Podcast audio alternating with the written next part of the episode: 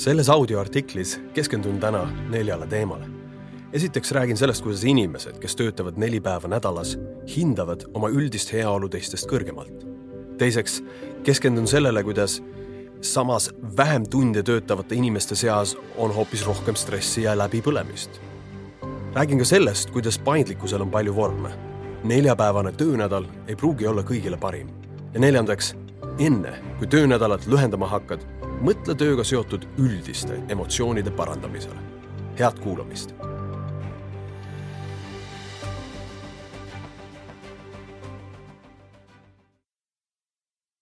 tööstressi ja läbipõlemist esineb tänases maailmas ja Eestiski häirivalt palju. ettevõtted otsivad lahendusi ning kaaluvad teiste seas võimalust, mida veel mõni aasta tagasi oleks peetud mõeldamatuks. vähendada tööaega neljale päevale nädalas esmapilgul tundub see väga hea mõttena, eriti töötaja seisukohast. ometi peitub selles üllatavaid vastuolusid.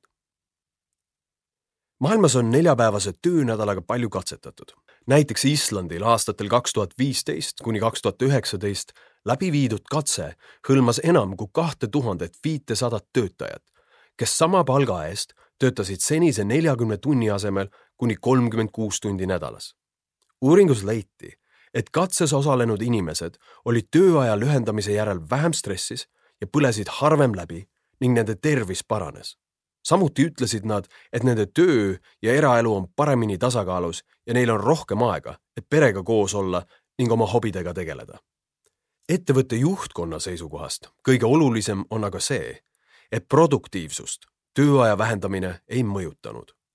ajaliselt töötati vähem, aga produktiivsus jäi samaks või koguni paranes. neljapäevast töönädalat on katsetatud mujalgi. pikaajalisemad uuringud on läbi viidud või käimas praegu näiteks USA-s, Kanadas ja Austraalias ning mitmes riigis, näiteks Jaapanis ja Hispaanias, julgustatakse tööandjaid seda proovima. üks suuremaid uuringuid neljapäevase töönädala mõju kohta tehti Suurbritannias. selles osales üle kuuekümne ettevõtte paljudest erinevatest sektoritest uuringu tulemused avaldati kahe tuhande kahekümne teise aasta veebruaris. kokkuvõttes hindasid ettevõtjad oma kogemust ainult positiivseks. produktiivsus ja äritulemused püsisid head, kaadrivoolavus vähenes oluliselt. eriti kõrgelt hindasid töötajad neljapäevast töönädalat. lausa üheksakümmend protsenti personalist leidis, et sooviks kindlasti jätkata neljapäevase töönädalaga. viiskümmend viis protsenti teatas, et nende töövõime on paranenud ja viisteist protsenti arvas, et ükski rahasumma ei paneks neid viiepäevase graafiku juurde naasma. vähem stressi ja negatiivsust, parem vaimne tervis, rohkem liikumist ja kvaliteetsem uni, see on vaid lühike loetelu sellest, mida inimesed neljapäevast töönädalat proovides kogesid. Eestiski on neljapäevane töönädal juba kasutusel. Eestis töötab lühendatud ajaga näiteks tööhaldustarkvara ettevõte Scoro kes läks kogu oma rahvusvahelise tiimiga püsivalt üle neljapäevasele töönädalale kahe tuhande kahekümne teise aasta juulis. töötajate palkasid sealjuures ei vähendatud. pärast testperioodi läbi viidud uuringust selgus, et inimeste heaolu on oluliselt paranenud. seitsekümmend protsenti tundis, et neljapäevane töönädal on vähendanud nende stressitaset. kuuskümmend seitse protsenti ütles, et uus töökorraldus on aidanud ennetada läbipõlemist kuuskümmend kolm protsenti tegi rohkem sporti kui varem ja nelikümmend protsenti tõdes, et veedab rohkem aega oma perega.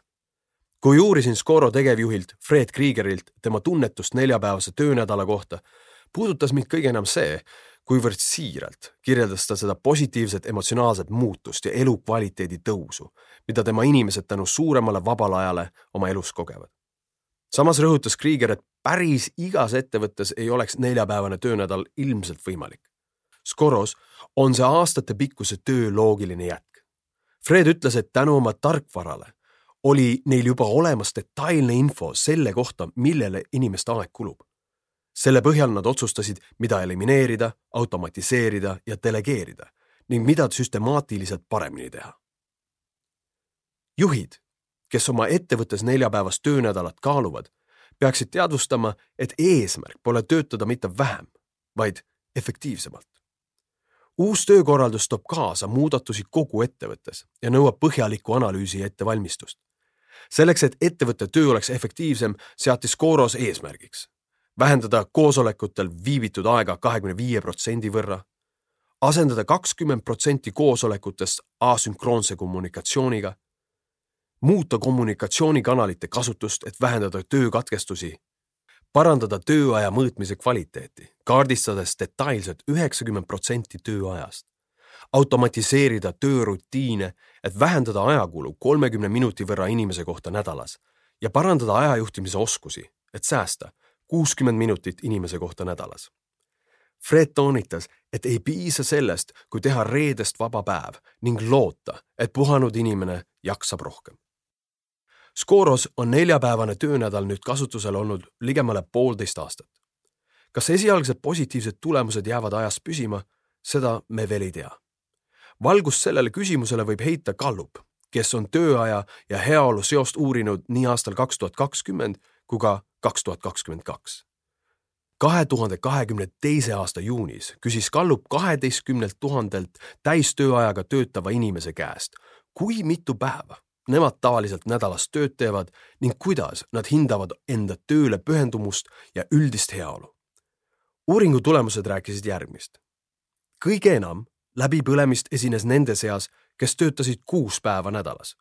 oma tööle pühendumist ja üldist heaolu hindasid kuus päeva nädalas töötajad kõige madalamalt. teiseks, neil, kes töötasid viis päeva nädalas, olid kõige kõrgemad tööle pühendumise näitajad ning kõige madalamad läbipõlemise näitajad. neljapäevase töönädalaga töötajad olid kõige rohkem tööle pühendunud, aga nende hinnang üldisele heaolule ei olnud viis päeva nädalas töötajatega võrreldes kuigivõrd kõrgem. samuti olid neil kõrgemad läbipõlemise näitajad kui viis päeva nädalas töötavatel inimestel kahe tuhande kahekümnendal aastal samal teemal uuringut tehes avastas Gallup aga, et neljapäevase tööajaga töötajad tajuvad oma heaolu kõrgemana kui viiepäevase töönädalaga töötajad. Uuemas uuringus seda vahet enam ilmsiks ei tulnud. pigem oli asi vastupidi. neljapäevane töönädal suurendas läbipõlemise riski. neljapäevase töönädalaga töötades võib olla suurem oht läbi põleda. üks põhjus, miks see nii on, peitubki tõenäoliselt efektiivsuses, lihtsamalt öeldes küsimuses kuidas viie päeva töö nelja päeva sisse ära mahutada? sarnast probleemi on kirjeldanud näiteks Elisa Eesti töötajad, kes töötavad neljapäevase töönädalaga suviti. Elisa tehnoloogiaüksuses töötav Joosep Põllumäe on märkinud, et kõiki ülesandeid lühema ajaraami sisse suruda ei ole alati lihtne. ta ütleb, et neljapäevase töönädala puhul on oodatav tulemus sama, mis tavalise töönädala puhul mis omakorda tähendab, et iga tööpäev peab olema veidikene tootlikum ja intensiivsem. samuti on tema sõnul vaja muudatusi tööviisides. On paratamatu, et igas tööpäevas on mingil hulgal ebaproduktiivselt kasutatud aega, mille arvelt saab intensiivsematel perioodidel veidi tööaega näpistada. näiteks saavad muutuda veidi harvemaks kohvinurga külastamised, kolleegi laua ääres või Teamsis peetud juhuvestlused saavad muutuda veidi lühemaks ning mingid ülesanded saab lihtsalt ära teha tempokamalt. mida intensiivsemaks muutub töö, seda kõrgemale tõuseb läbipõlemise risk. see on ka peamine põhjus, miks Elisas rakendatakse lühendatud tööaega periooditi. räägiksin neljapäevase tööaja ohtudest. ettevõtetest, kus neljapäevast töönädalat katsetatakse, ei otsusta siiski kõik selle kasuks. osa neist pöördub tagasi tavapärase tööaja juurde Eesti ettevõtetest on selline näiteks Tele2. Tele2 personalijuht Eve Karo selgitas, et nad said aru, et neljapäevane töönädal eeldaks töö haldamiseks suuremat personali, sest osa töötajatest tundsid katsetuse ajal liigset survet teha nelja päeva jooksul ära justkui viie päeva jagu tööd. Eestis on neljapäevast töönädalat rakendanud ettevõtteid uurinud Maja Vadi, Emilia Laas ja Anett Tammemäe kes toovad Sirbis avaldatud artiklis samuti välja, et neljapäevase töönädala rakendamise tulemused võivad olla ambivalentsed. mõnes ettevõttes stressitase langeb ja koostöö kolleegidega paraneb, aga teistes selgub, et efekt võib olla ka vastupidine. tajutud stressitase võib neljapäevase töönädala rakendamisel tõusta osa töötajaid on tajunud tööaja intensiivistumist või on töötajad hakanud tegema rohkem ületunde, mis mõjutab töötajate stressitaset samuti ilmnes uuringust, et neljapäevane töönädal võib mõjutada negatiivselt koostööd kolleegidega. Oli näha ja tunda, et mitmed osakonnad ei saanud reedeti vabamalt võtta, sest olid teistele üksustele toeks ning seetõttu polnud nende nägudel ja suudel sama palju positiivsust nagu võib-olla enamikul teistel üksuse kolleegidel, sõnastas uuringus ühe IT- ja sideettevõtte töötaja. paindlik olla saab aga mitut moodi Gallupi uuringu tulemuste järgi tundub, et neljapäevasest töönädalast lõikavad kõige enam kasu need, kel ei ole võimalik distantsilt töötada. lühem tööaeg vähendab tõenäosust, et kohapeal töötavad inimesed end tööl õnnetuna tunnevad ning selle kaudu suurendab võimalust, et nad oma üldist heaolu kõrgemana tajuvad. koguni nelikümmend neli protsenti kohapeal töötajatest vahetaks töökohta, kui neile pakutakse võimalust töötada neli päeva nädalas siinsetest kuulajatest enamik aga tõenäoliselt saab distantsilt töötada või on see võimalik nende ettevõttes. ja sel juhul ei ole neljapäevane töönädal kaugeltki ainus võimalus, kuidas paindlik olla ja sel moel töötajate heaolu suurendada. sagedasti tähendab neljapäevane töönädal vaba reedet. aga mis siis, kui lastehoiuga on probleem hoopis kolmapäeval või soovid osaleda mõnel kursusel teisipäeval? neljapäevane töönädal sind siis ei aita, seitsmepäevane aga küll ehk siis võimalus oma tööaega nädala jooksul täielikult ise valida. Worksami juht Morten Peterson on seisukohal, et kuigi neljapäevane töönädal peaks võimaldama suuremat paindlikkust, siis tegelikult pakub see lihtsalt nädalale teistsugust struktuuri. kui aga tööd saaks teha seitse päeva nädalas, ükskõik kas siis sama või isegi vähem arv tunde, annaks see inimestele päriselt võimaluse valida aeg, mis neile kõige paremini sobib ja see oleks tõeliselt paindlik lahendus. paindlikkus on üks atraktiivsemaid boonuseid, mida ettevõte saab töötajatele pakkuda. Deloitte on leidnud et, et nelikümmend kolm protsenti Y-generatsiooni ehk milleeniumi põlvkonna inimesi arvab, et jääb praeguse tööandja juurde kaheks aastaks. suurem paindlikkus aga võib veenda neid jääma kolmeks aastaks või isegi kauemaks Randstadi uuringus on leitud et, et üheksateistkümne protsendi Y-generatsiooni esindajate arvates on paindlikkus parim boonus, mida tööandja saab pakkuda. lubades inimestel plaanida oma tööd kõigile seitsmele nädalapäevale, saavad ettevõtted võimaldada oma meeskonnaliikmetele just sellist paindlikkust, millest neil päriselt kasu on ning suurendada nii nende heaolu ja tööõnne.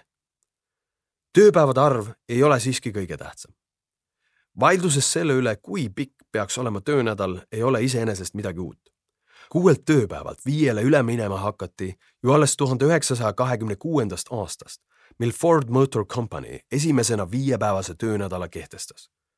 ka Fordi juhid uskusid, et lühem tööaeg sama palga eest suurendab produktiivsust, sest töötajad pingutavad siis rohkem aga pingsat tööpäevade lugemise keskel oleme unustanud, et kui räägime tööga rahulolust ja tööle pühendumisest, sõltuvad need kõige enam siiski töö iseloomust, mitte otseselt tööaja pikkusest. seda toetavad järgmised faktid. kaks kolmandikku või enamgi pühendunud töötajatest tunnevad oma üldist heaolu kõrgemana kui teised ning see ei olene sellest, kui mitu päeva nädalas nad tööd teevad. teiseks kogu maailma töötavat rahvastikku hõlmanud analüüsis selgus, et nende inimeste jaoks, kes ei ole oma tööga rahul ning kel pole võimalust teha seda, milles nad on tõeliselt tugevad, tähendas pikendatud tööaeg seda, et vähenesid töös saadud positiivsed kogemused ning hinnang üldisele heaolule. seevastu nende inimeste jaoks, kes olid oma tööga rahul ja kes said teha seda, milles nad tõeliselt tugevad on, olid tulemused täiesti vastupidised kui nad töötasid päevas viie tunni asemel kümme, ei vähendanud see nende jaoks töölt saadud positiivseid kogemusi ja hinnangut üldisele heaolule elus. kolmandaks, kui võrrelda üleüldist töökogemust ja tööaega, siis töökogemuse üldine kvaliteet mõjutas inimese heaolu kuni kolm korda rohkem kui tööaeg. küsimuse, kas töötajate heaolu tõstmiseks on neljapäevane töönädal kõige õigem viis, paneb see hoopis uude valgusesse. kui meie eesmärk on arendada organisatsiooni kultuuri, mis oleks kaasav ja kus töötajad oleksid õnnelikud, ei pruugi töönädala lühendamine olla parim lahendus. kui asi puudutab inimeste üldist heaolu, siis on üleüldisel töökohaga seotud emotsioonil kolm korda suurem mõju kui lühemal töönädalal. tegelik probleem peitub selles, et enamik inimesi on lihtsalt keskpäraselt juhitud. Kogu maailmas ei ole ligi kaheksa inimest kümnest oma tööle pühendunud. Nad vahivad päev läbi kella, töötavad teadlikult oma tööandja vastu või plaanivad lahkuda. Neil on kõik sümptomid, mis viitavad puuduvale tööõnnele. sellest, kuidas mõõta olemasoleva personali pühendumust ja luua pühendunud meeskonda, kõnelen lähemalt oma koolitusel tulevikujuhtide meistriklass aga kui soovid kohe töötajate heaolu tõstmisega alustada, siis neljapäevane töönädal ei ole tõenäoliselt õige koht, millest alustada. selle asemel soovitaksin pigem keskenduda sellele, et sinu inimesed oleksid õnnelikumad ja nende tööga seotud emotsioonid paremad. seega, enne kui mõtled töönädala lühendamisele, kaalu vähemalt neid kolme lahendust, mis on heaolule palju suurema mõjuga. esiteks, luba oma töötajatel teha seda milles nad on tõesti andekad ja tõsta sellega nende rahulolu oma tööga. teiseks, otsi võimalusi, kuidas suurendada personali pühendumist, tõstes sel moel ka tööga rahulolu. ja kolmandaks, mõtle läbi, kuidas parandada oma inimeste vahetut töökeskkonda, et muuta tööpäevad meeldivamaks ja organisatsiooni kultuur inimsõbralikumaks ma loodan siiralt, et selle audioartikli kuulamine oli sinu jaoks väärtuslik aeg. ja kui see nii oli, siis kutsun sind ka kuulama minu täispikka audioraamatut Ratsionaalne emotsionaalsus, tugevad tulemused pehmetest tegudest, mille info ja lingi leiad minu kodulehelt alarojastu.com.